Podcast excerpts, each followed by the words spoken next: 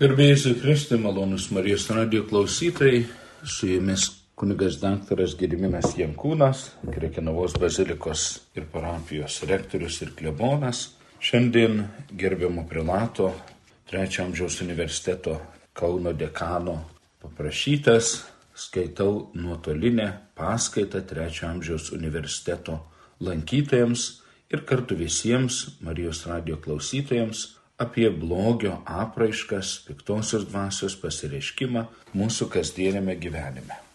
Šiai temai mane prieš keletą metų paskatino Vilniaus Bernardino parapijos tikintieji, kurie organizavosi savo vasaros rekolekcijas ir paprašė mane dalyvauti toje šeimų stovykloje vasaros rekolekcijose ir skaityti tokią pranešimą, kokį nors mokymą mano pasirinktą temą. O į mano rankas jau buvo papuolę prieš keletą metų labai įdomi knyga Louis J. Camelio Piktasis, kurio nepažįstate, atpažįstant ir pasipriešinant blogiui kasdienėme gyvenime.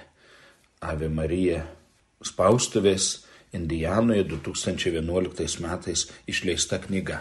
Matydamas, kad yra galimybė ir pretekstas tos knygos informaciją ir išvalgomis pasidalinti su plačiaja visuomenė. Turėjau progą šiek tiek įsiversti į lietuvių kalbą, į anglų kalbą parašytą ir tomis išvalgomis labai svarbiomis rimtomis pasidalinti su Bernardino parapijos tikinčiaisiais. Praėjusią vasarą teko pratesti šios knygos pristatymą o šiandien naudojusi progą su jos turiniu supažindinti ir jūs, malonus Marijos radio klausytojai ir trečio amžiaus universiteto smalsūs ir garbus lankytojai.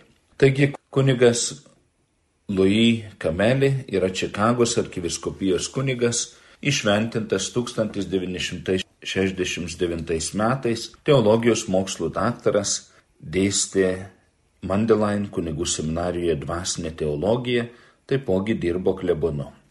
Atlantos dabartinis arkivyskupas Vilton Gregory knygos įžangoje rašo.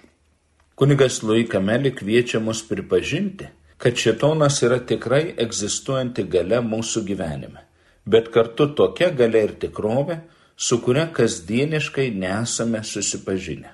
Daug dėmesio skirdami neįprastoms šetono veikimo praiškoms, galime lengvai pražiūrėti gundytojo veikimą kasdienybėje. O tai ir yra būtent tai, ko jis norėtų. Taip jo greunantis artumas gali laisvai karaliauti mūsų gyvenimuose su mirtinomis pasiekmėmis.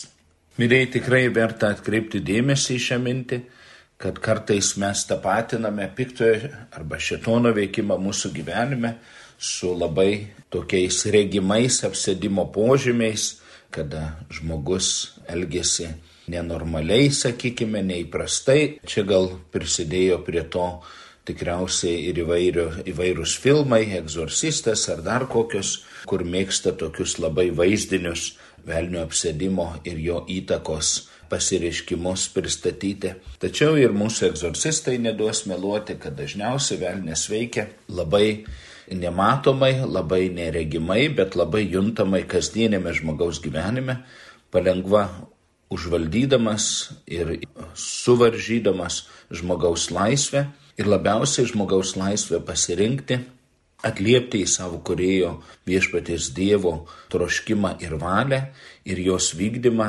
savo laisvame pasirinkime. Taigi tas velnio pražiūrėjimas kasdienybėje yra tam tikra piktojo veikimo taktika, kurią tėvas kunigas Luikamelė nori padėti mums demaskuoti, kad galėtume tinkamai apsisaugoti ir pasipriešinti jo pražutingam veikimui. Iš pirmo Petro laiško penktos skyriaus 8-9 eilutė skaitome. Būkite blaivus, būdėkite. Jūsų priešas velnės, kaip reumojantis liūtas, lankioja aplinkui, tykodamas ką praryti. Pasipriešinkite jam tvirtų tikėjimu, žinodami, kad tokius pačius kentėjimus tenka iškesti jūsų broliams ir seserims plačiajame pasaulyje. Taigi jo paštalas Petras, pirmasis popiežius Kristaus vietininkas žemėje, įspėja mus kad priešas velnis yra tas nuolat tykojantis mus pražudyti ir kad turime būti budrus ir tas budrumas pasireiškia tvirtu tikėjimu ir žinojimu, kad esame šitoje kovoje ne vieni, bet jungimės į Kristaus bažnyčią, stojame po Kristaus pergalės vėliavą, Kristaus Velyko vinėlio, kuris nugalėjo blogį, kuris nugalėjo blogio gelonį mirti ir kviečia žmogų į triumfą amžinajame gyvenime ir prisikelime. Autorius rašo, kad velnio ir pragaro tema savo laiku buvusi tokia populiari mūsų bažnyčiose jau keletą dešimtmečių nesusilaukė reikiamo dėmesio. Kuomet tėvas Luis rašė, ruošėsi rašyti šią knygą, jo draugai tarsi juokais, tarsi rimtai pateikė jam sekančius šešis klausimus. Pirmas klausimas - ar tikrai tiki velniu? Ir tėvas Luikamelė atsako į šį klausimą, ar tikrai tiki velniu Absoliučiai ne. Jis tiki Jėzumi Kristumi, kuris nugalėjo velnę. Taigi, broliai seseris, negalime tikėti velniu taip, kaip tikime ir pasitikime Dievu. Tačiau tai nereiškia, kad velnės ir demonai neegzistuoja. Tikėdami Jėzumi Kristumi ir tuo, ką Jėzus sakė ir darė, sužinome ir tai, kad velnės ir demonai egzistuoja ir tai, kokie jų darbai bei tikslai. Krikšto metu mūsų klausia, ar tiki į Dievą Tėvą, Jėzų Kristų šventąją dvasę. Tačiau apie velnę krikšto metu mūsų klausima kitaip. Ar atsižadi piktosios dvasios, jos darbų ir vilionių tuščių pažadų? Apie velnio egzistavimą ir veikimą žinome ne tik iš bažnyčios mokymo ir maldų, bet ir tiesiog stebėdami savo žemiškojo gyvenimo sąlygas paženklintas piktojo visą jaukiančio buvimo. Šiandienos Ukrainos karo kontekste, kada veiksmai, kuriuos vykdo agresorius, Rusijos agresorius Ukrainoje, netelpa į galvą, niekaip negali būti protų suvokiama, kitaip kaip e, piktojo galios pasireiškimas, kuris iš tiesų įneša didžiulę sumaištį ir vėlgi ragina mus neprarasti budrumo, atnaujinti mūsų tikėjimą ir pasitikėjimą Dievu ir daug atsakingiau naudotis savo žmogišką laisvę, laisvę, kuri, kada einama į kompromisus su tiesa, einama į mažus kompromisus su sąžinė, ilgainiui gali užauginti tokius tironus, kaip dabartinis Rusijos federacijos prezidentas Vladimiras Putinas, tironus, kuriems nebegalioja jokios ribos ir kurie patys yra įtikėję, kad yra užėmę Dievo vietą, nors iš tiesų klausantis Putino galima girdėti labai dažnai minimą Dievo vardą, bažnyčios ir matyti jo tam tikras išorinio pamaldumo apraiškas, žvakelių dėgymą, dalyvavimą bažnytinėse liturginėse apieigose. Tačiau čia vėlgi Jėzus įspėjo, kad yra išorinis religingumas ir yra vidinė širdies intencija, kurią mato ir pažįsta Dievas, net jeigu jos ne, nemato ir ne, nepažįsta žmonės, ir kad pagal tai yra apsprendžiamas mūsų tikrasis santykis, tikėjimo santykis su Dievu ir mūsų ateitis jo tiesoje, viltyje, meilėje. Pats tėvas Luis dalinasi, kad teko įsitikinti velnio buvimu trimis būdais. Pirmas būdas skaitant antro pasaulinio karo ir tai, kas su juo susiję. Susiję nacizmas, komunizmas, literatūra, kurie labai akivaizdžiai pasirodo valingai veikianti, protinga būtybė. Tai šiandien knyga parašyta 2011 metais, šiandien tų knygų skaityti jau nebereikia, užtenka atsiversti įvairius informacijos portalus, įsijungti radiją, televizorių ir Ukrainoje vykstant brolžudiškam tokiam karui, kada iš tiesų nebe viena savaitė jau vyksta totalus ir civilių žmonių, ir, ir pastatų, ir, ir Ukrainos e, žemių niokojimas ir, ir naikinimas. Iš tiesų, niekaip kitaip nepaaiškinsi kaip demoniško arba piktosios dvasios tokių išorinių akivaizdžių pasireiškimų. Antras būdas jo kaip dvasios tėvo patirtis, kuomet kalbėdamasi su žmonėmis norinčiais kuo artimiau ir ištikimiau sekti Jėzų mokinystės keliu, jie susidurdavo su priešiškomis jėgomis, norinčiomis išvesti juos iš pasirinkto kelio. Čia išgirstame labai svarbę tokią nuostatą, kad piktojo pasireiškimas yra susijęs su žmogaus valios ir laisvės pastangomis sekti Jėzumi Kristumi mokinystės keliu.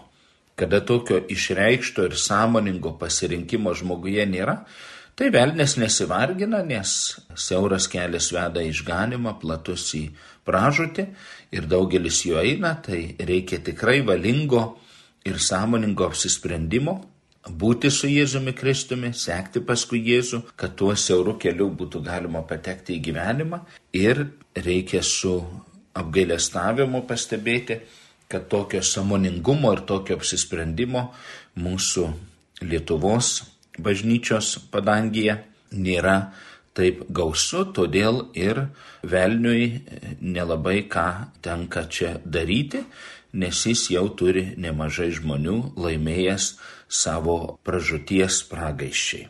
Tos jėgos pasireikšdavo ne tik kaip vidinis suglebimas, bet kaip ir išorinis pasipriešinimas. Taigi pasirinkus sekti Jėzų mokinystės keliu, galimai dažnai pasireiškia toks vidinis suglebimas, tingulys, kažkoks tai gal aš čia negerai pasirinkau, anksčiau kažkaip tai, kai to klausimo nekėliau rimtai, tai buvo kaip ir lengviau gyventi, lengviau gyventi čia pasaulyje, lengviau sutarti su savo sąžinė, lengviau eiti į vairius kompromisus, lengviau turėti visiems įtikti ir patikti.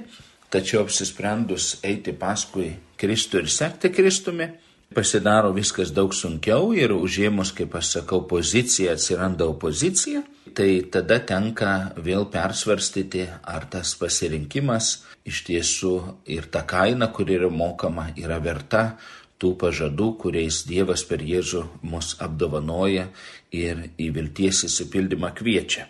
Bet čia nereikia toli eiti, mes žinome, kad atsimenam, kaip Lietuva kuomet Lietuva paskelbė nepriklausomybę, Sovietų sąjunga tuometinė paskelbė ekonominę blokadą ir dalis žmonių tikėjosi, kad, kad žmonės to pasiekoje kažkaip tai pasigailės savo sprendimo ir vėl paskui prašysi sugražinami į Rusijos glėbį. Taip neatsitiko, užteko mūsų tautoje ir mūsų žmonėse, valstybėje ir samoningumo ir pilietiškumo, kad žmonės netgi mokėdami didelę nepatogumo ir tam tikrų dalykų ir galimybių trūkumo kainą pasiryžo vis dėlto siekti nepriklausomybės ir kurti naujai savo valstybę, jau nebebūdami Sovietų sąjungos sudėtyje.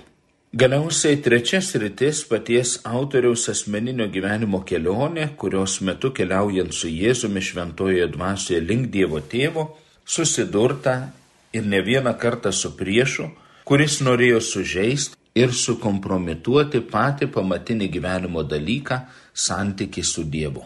Pats pamatinis gyvenimo dalykas kiekvienam žmogui yra santyki su Dievu, tas pats intimiausias, pats tikriausias ir piktoji dvasia visai bando tą santyki paveikti, pagadinti, išorinėmis priemonėmis, sujaukti tą mūsų vidų ir mums labai reikia saugoti tą laisvės erdvę ir tą laisvės zoną, kurioje iš tiesų vyksta mūsų apsisprendimas, su kuo mes šitą gyvenimą ir dėl ko keliaujame, su Dievu ar dėl Dievo, ar pasiduodame šito praeinančio pasaulio ir šito pasaulio pralaimėjusio kunigaikščio kerams ir apžavams, nes pralaimėjęs didžiąją kovą, jisai nori, nueidamas nuo arenos arba nueidamas į pragaištį, padaryti kuo didesnį nuostolį viešpačiu Dievui ir į tą nuostolį įtraukti mūsų sielas ir mūsų gyvenimus. Tai nebuvo nuolatinis priešiškas ar į užvaldymą panašus velnio ardumas, bet patirtis, kuri vis dėlto reiškia kovą ir kartu aišku supratimą, kad man reikia Dievo pagalbos. Taigi dvasinėme gyvenime, rimtai žvelgdami į dvasinį gyvenimą, į tikėjimo gyvenimą, mes atpažįstame, kad tai pasireiškia kaip kova, kurioje dalyvaujame ir toje kovoje mums reikia visos įmanomos Dievo, Marijos šventųjų pagalbos, sakramentų, Dievo žodžio, maldos, užtarimo, patarimo, kad galėtumėm toje kovoje įsilaikyti ir kartu su Jėzumi Kristumi ją laimėti. Jėzus mums jau ją laimėjo, tačiau mums reikia tuo patikėti ir kaip galima artimiau, intimiau laikytis mūsų viešpatės Jėzaus Kristaus. Taigi velnio egzistavimas ir darbai pažįstami per tikėjimą Jėzų Kristų ir jo išganomą įveikimą. Tol, kol nesiekime pažinti ir priimti Jėzaus, tol ir velnės gali būti labai netikroviška ir sunkiai aptinkama realybė. Antrasis klausimas, kurį autorius paklausė jo draugai, buvo, ar tiki, kad velnės yra asmuo? Ar geriau sakyti, kad kalbėjimas apie velnį yra simboliškas kalbėjimas apie blogio problemą? Ir čia autoris į šitą klausimą, ar velnės yra konkretus asmuo, ar tai yra kažkokios blogio problemos simbolis, atsako. Jeigu priimame, kad asmuo yra tas, kuris yra visa kuo orientuotas į Dievą kaip savo kilmę ir galutinį tikslą, tai panaudojant kardinolo Ratzingerio popiežiaus Benedikto XVI 1973 metais įsakytą mintį, velnės yra ne asmuo, ta prasme, kad jis yra visiška priešingybė to, ką reiškia būti asmeniu. Todėl jam būdinga veikti pasaulyje, neturint veido, kas jį padaro sunkiai atpažįstama, o tai ir tampa jo stipriausia pusė. Taigi šia prasme velnės nėra asmuo, bet vis dėlto išlieka Dievo kūriniu, kuris turi, kad ir kaip iškreiptą protą ir valią. Tai leidžia apie jį kalbėti kaip apie asmenį, nors įvardis jis nėra tikslus, kadangi velnės, kaip sukurtoji dvasia, neturi kūno, todėl neturi ir lities. Sukurtas Dievo ir Dievui velnės atsisakė susijęti savo egzistenciją su Dievu ir taip pasmerkė save amžinai pseudo egzistencijai, į kurios nepakeliamą skausmą nori įtraukti kuo daugiau bendrininko.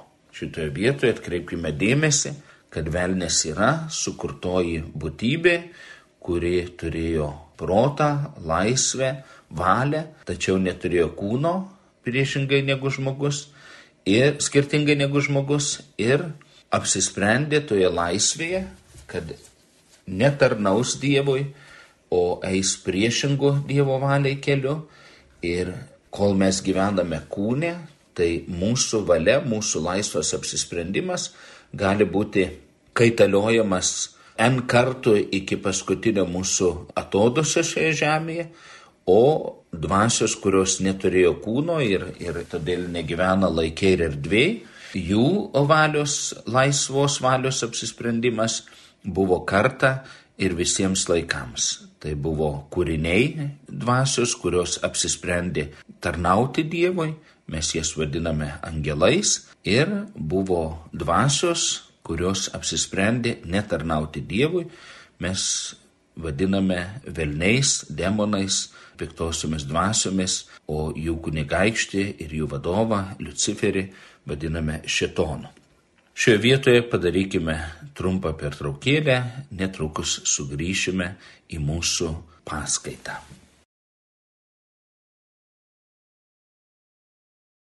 Dar kartelį sveikinu Jūs, malonus Marijos radio klausytojai, trečio amžiaus universiteto lankytojai, su Jumis kunigas Gediminas Jankūnas. Šiuo metu kalbame apie piktosios dvasios atpažinimą ir jos pasireiškimą mūsų kasdienėme gyvenime ir naudojamės Louis Kamelio 2011 metais Junktinėse Amerikos valstijose išleista knyga Velnes, kurio nepažįstame, atpažįstant ir pasipriešinant blogiui kasdienėme gyvenime. Autorius knygos įžangoje kalba apie šešis klausimus, kuriuos jam prieš rašant šią knygą uždavė jo draugai, klausimus, kurie yra susijęs su velniu ir jo veikimu ir pačioje pradžioje mėginame į tuos klausimus atsakyti. Pirmus du jau atsakėme, toliau tęsime trečiasis klausimas.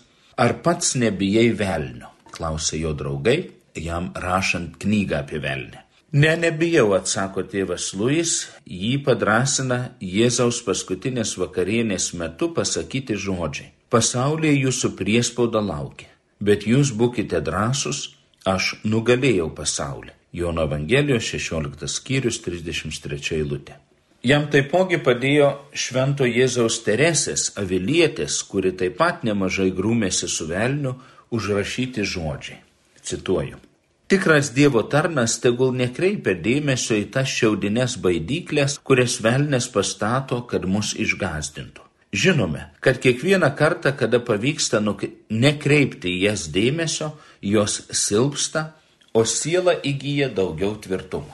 Tikrai šventoji Jėzaus Teresė Vilietė buvo nemaža ekspertė piktojo veikimo jos gyvenime, nes ji labai entuziastingai sekdama Dievo valią tikrai daug padarė bažnyčiai, įkūrė daug vienuolynų, e, atnaujino karmelitų vienuoliškai gyvenimą ir todėl tikrai buvo įvairiai varginama piktosios dvasios, tačiau ir pati iš savo patirties ir mums duoda patarimą, kad velnės pirmiausia bando mus paveikti per išgastį ir baimę, o drąsa yra šventosios dvasios ženklas mumise Ir mes per tikėjimą atsiveriam šventosios dvasios veikimui, nuolat turime kviesti ir šauktis e, šventosios dvasios, ypatingai prieš labai tokius rimtus gyvenimo apsisprendimus, sėtinus su Dievo valios vykdymu ir atsiliepimu į pašaukimą.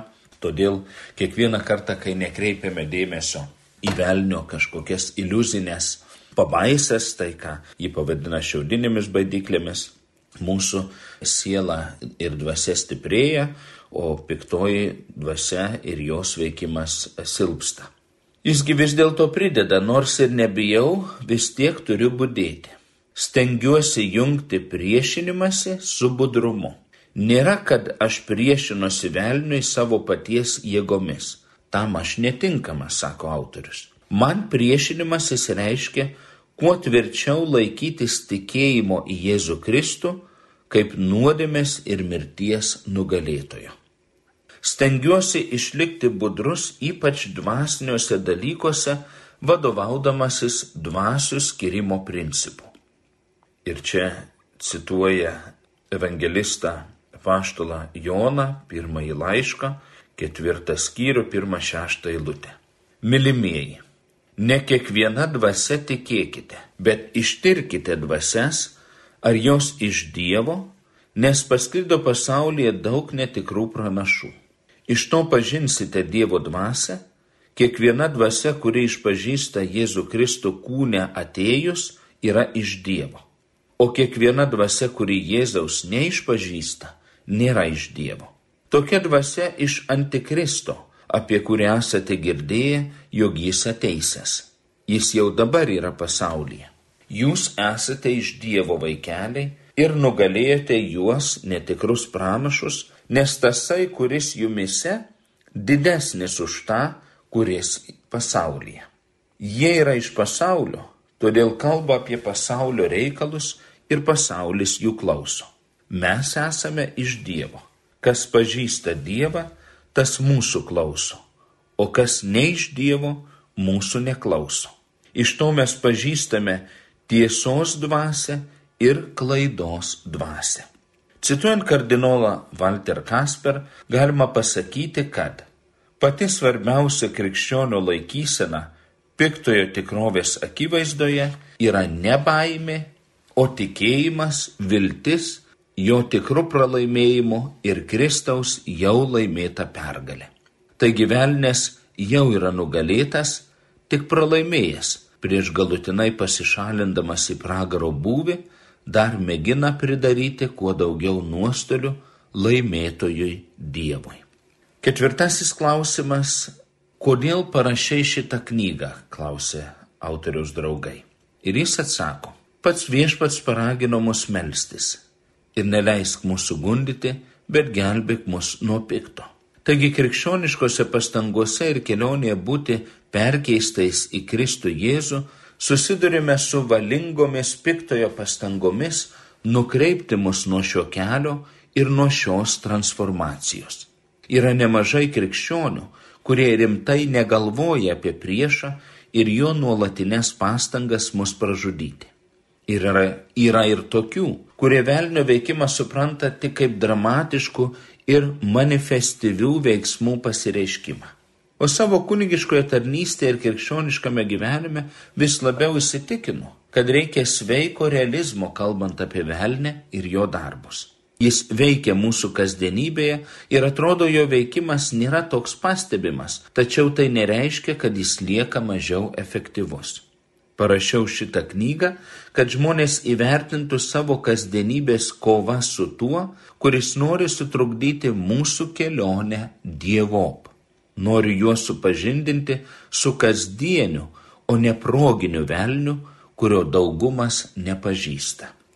Penktasis klausimas, į kurį atsako autorius, ar šioje knygoje yra velnio patirčių iš paties autoriaus gyvenimo. Ir jis atsako, Būdamas kunigas taip yra ir gana nemažai, nerašau apie velnį ir kovą su juo, tarsi tai vyktų už mano paties gyvenimo ir tikėjimo kelionės ribų. Ir kadangi įtraukia asmeninio gyvenimo patirtį, pripažįsta, kad toks požiūris pareikalauja atvirumo ir supratimo, kad tai visų mūsų bendras reikalas. Ir galiausiai užbaigia savo įžangą paskutiniu šeštuoju klausimu Kaip manai, ar tavo knyga padės kitiems? Autorius atsako, tikiuosi, kad ją skaitydami žmonės geriau supras savo sunkumus. Viliuosi, kad jie dėmesingiau žvelgs į tai, kas juos gali atskirti nuo ėjimo Dievo link. Tikiuosi, kad jie išmoks labiau pasikliauti Jėzumi Kristumi. Ir pradeda savo knygos pirmąjį skyrių pavadindamas Velnes tarp mūsų gazdinimas, pramoga ir nelaimės laukimas. Gazdinimas yra viena iš pelną nešančių pramogų. Velnes gazdina žmonės filmuose savo apsėdimais, paslaptingomis jėgomis, kurios siekia pražudyti žmoniją. Jis tarsi įkūnija tas blogio jėgas, kurias aptinkame savyje ir už mūsų. Lygiai taip pat kaip velnės tinka gazdinimui, taip jis tinka ir pramogai. Užgavenėse ir Halovino šventime jis tampa komiška kaukė su ragais, uodega ir šakėmis.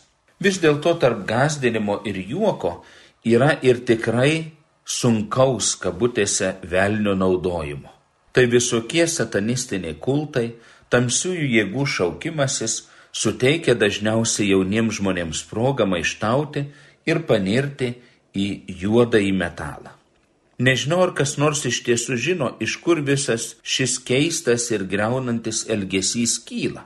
Ar tai susijęs su giliai įsišaknyjusiu pykčiu ir nuoskauda, kuriuos galima išreikšti tik negatyve ir greunančia energija? Ar tai susijęs su bejėgiškumu, kuris siekia įgauti nors kiek kontrolės ar galios valdyti šį pasaulį? Kad ir koks būtų atsakymas, Taip vadinamos satanistinės grupės siekia palikti kokią nors žymę pasaulyje ir visuomenėje, kurioje gyvena, ir tai nebūtinai yra tai, ko siekia pats šitonas. Kad ir kokios priemonės būtų naudojamos gazdinimo, linksminimuose ar kultinės, visose juose yra bendras bruožas - tam tikras dramatiškumas, kuris traukia mūsų dėmesį ir smalsumą. Dramatizmas yra vienas iš velnio naudojamų kabliukų, bet tai ne viskas, ką ir kaip jis naudoja. Yra labiau kasdienis velnio buvimas ir veikimas mūsų gyvenimuose. Sutra, suprantame tai ar ne, bet mūsų kasdienybė maišosi priešas, kuris siekia savo tikslų. Mes visi susidurime su sunkumais. Tai gali būti sunkiai pradedamas ir iki galo įvykdomas projektas, tai gali būti bendradarbis, su kuriuo tiesiog sudėtinga dirbti kartu, Tai gali būti ir ilgametis draugas, kuris dėl kokių nors priežasčių yra pavargęs ir sunkiai klausosi to, ką aš jam noriu pasakyti. O kur dar savyje atpažįstami troškimai pasiduoti žiaurumui, netgi smurtui, gašlumui, ar net troškimas pasinaudoti kitų žmogumi savo malonumui. Kasdienybėje yra tūkstančiai situacijų, kurios vargina ir kelia problemas. Kai kurios iš jų yra vietinės kabutėse. Tai yra vyksta manyje ir susijęs su mano paties asmeniu. Kaip pavyzdžiui, paštalo Pauliaus prisipažinimas laiške romiečiams. Aš sugebu gero trokšti, o padaryti ne. Aš nedarau gėrio, kurio trokštų, o darau blogį, kurio nenoriu. Romiečiams 7 skyrius 18b 19 eilutės. Bet sunkumai nesibaigia tik ties manimi. Išorėje taip pat pasireiškia jėgos, kurios kovoja su manimi. Ekonominė sistema gali greuti mano finansinę padėtį, bendradarbis kolega gali pateikti neteisingą raportą apie mano atliktą užduotį. Atrodo, kad nuolat turiu grumti su išorės priešais, kurie siekia pakengti mano gyvenimui. Dar sudėtingiau, kuomet kova tuo pat metu vyksta ir išorėje, ir viduje. Kaip sunku pavyzdžiui siekti tam tikrų idealų ir kartu atpažinti, kad savo viduje esi toli nuo jų įgyvendinimo. Siekti ir trokšti didžių dalykų žmonijai, bet kartu suprasti, kad tie patys žmonės nebūtinai moka tuos didžius dalykus priimti ir vertinti.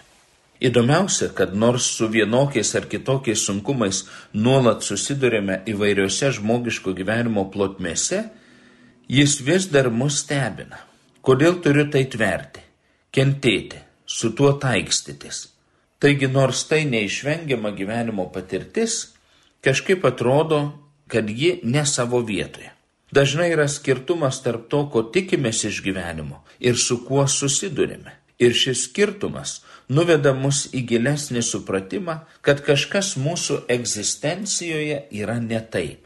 Tas kabutėse ne taip krikščioniškame keime turi savitą paaiškinimą. Pasaulis ir žmonija per nuodėmę nukrypo nuo savo pirminio ir prigimtinio tikslo Dievo. Ir turime sugadintą situaciją, kurią aiškiname mokymu apie prigimtinę nuodėmę. Pradžios knyga mums sako, kad pirmieji nuodėmės darytojai buvo visos žmonijos pradininkai Adomas ir Jėva. Jų laisvas sprendimas nusisukti nuo Dievo plano žmonijai turėjo didelės pasiekmes. Pati ryškiausia pasiekmė tai, kad mūsų egzistencija tapo kažkokia fragmentuota ir pasidalijusi. Vatikano antrasis susirinkimas moko, kad žmonės savyje yra pasidalyję. Taigi mūsų sunkumų šaknis glūdi žmoguje ir žmonijos istorijoje. Reikia patikslinti, kad krikščioniškasis mokymas nesako, kad dėl viso pasaulio blogio kaltė krenta ant žmogaus. Taip masto ir teigia freudinė ir mar marksistinė teorijos. Pagal Freudą blogis kyla iš žmogaus psichės, id, o pagal Marksą iš socialinės ir ekonominės klasių kovos. Vis dėlto pagal krikščionišką mokymą, taip žmogus gali padaryti daug blogo, bet blogis kaip toks atsirado pirmiau negu žmogus. Vis dėlto blogis nėra, kaip kai kurie mano, tik kita gėrio ar Dievo pusė. To moko metafizinio dualizmo šalininkai. Blogis, kuris atsirado pirmiau žmogaus, kyla iš kito Dievo kūrinio, apdovanoto valia ir protu. Į savo maištą prieš Dievą ši būtybė nori įtraukti visą Dievo kūrinyje, o taip pat ir žmogų. Šią būtybę vadiname velniu. Dievas leido tokį pasirinkimą angelams, leidžia ir mums. Bet galiausiai turime atsiminti, kad paskutinį žodį tars pats Dievas o kol kas yra ir gundimas, ir nuodėmė, ir blogis, visa tai, su kuo neišvengiamai susiduria kiekvienas, net ir tikintis žmogus. Kuomet graikai kalbėjo apie nuodėmę, jie vartojo žodį hamartein, kas reiškia prašauti pro šalį. Puikiai žinome, kad su ar be velnio pagalbos sugebama dažnai prašauti pro šalį. Mūsų nuodėmė susijęs su blogu elgesiu melavimu, vogimu, užgavimu, naudojimusi kitais, meilės ir draugystės išdavystė, neteisingais ir bereikalingais kaltinimais, siekiant gėrio savo, kitų žmonių sąskaitą. Kartais mūsų nuodėmė susijusi su nedarimu to, ką turėtume daryti - dalintis maisto gausa su alkanais, sustoti padėti nelaimės ištiktam žmogui, rasti laiko palaikyti sunkumų kamuojamą draugą ar kolegą imtis bendros atsakomybės už teisingumo, taikos ir santarvės įgyvendinimą visuomenėje, valstybėje ir pasaulyje. Nuodėmės, kaip jie suprantame, yra mūsų padaryti arba nepadaryti veiksmai. Tam tikra prasme jie kyla iš mūsų ir vertai priklauso mums. Privalome priimti už juos atsakomybę. Tačiau taip pat metu neidentifikuojame savęs su mūsų nuodėmėmis. Jos kaip neklaužodos vaikai, kurie mums priklauso, kuriuos mes pagimdėme ir už kuriuos atsakome, bet vis dėlto jie nėra tiesiogiai mes. Jie yra kažkas kita negu mes. Kuomet išpažįstu savo nuodėmes, dažniausiai sakau, kad melavau, o ne kad esu netiesa, paleistuvavau, o ne kad esu paleistuvystė, kad neišdrisau apginti neteisingai apkaltinto ar šmeižiamo žmogaus, o ne kad esu neteisybė ir abejingumas. Esame atsakingi už nuodėmes, kurias darome, ir už gerus darbus, kurių nepadarome, bet tuo pat metu nesusitapatiname su jais. Panašu, kad šitoje vietoje mūsų paskaitą jau reikia baigti. Jeigu bus galimybė ir noras, galėsime ją pratesti kitose susitikimuose. O dabar visiems linkiu palaimingos gavėnios šitų dvasinių pratybų, kurias paženkliname malda, pasninku, artimo meilės darbais ir prašė paskelbti, kad sekanti paskaita vyks balandžio 6 dieną 9 val. Marijos radio eteryje. Sakau jums visiems sudie, su jumis buvo kunigas daktaras Gediminas Jankūnas.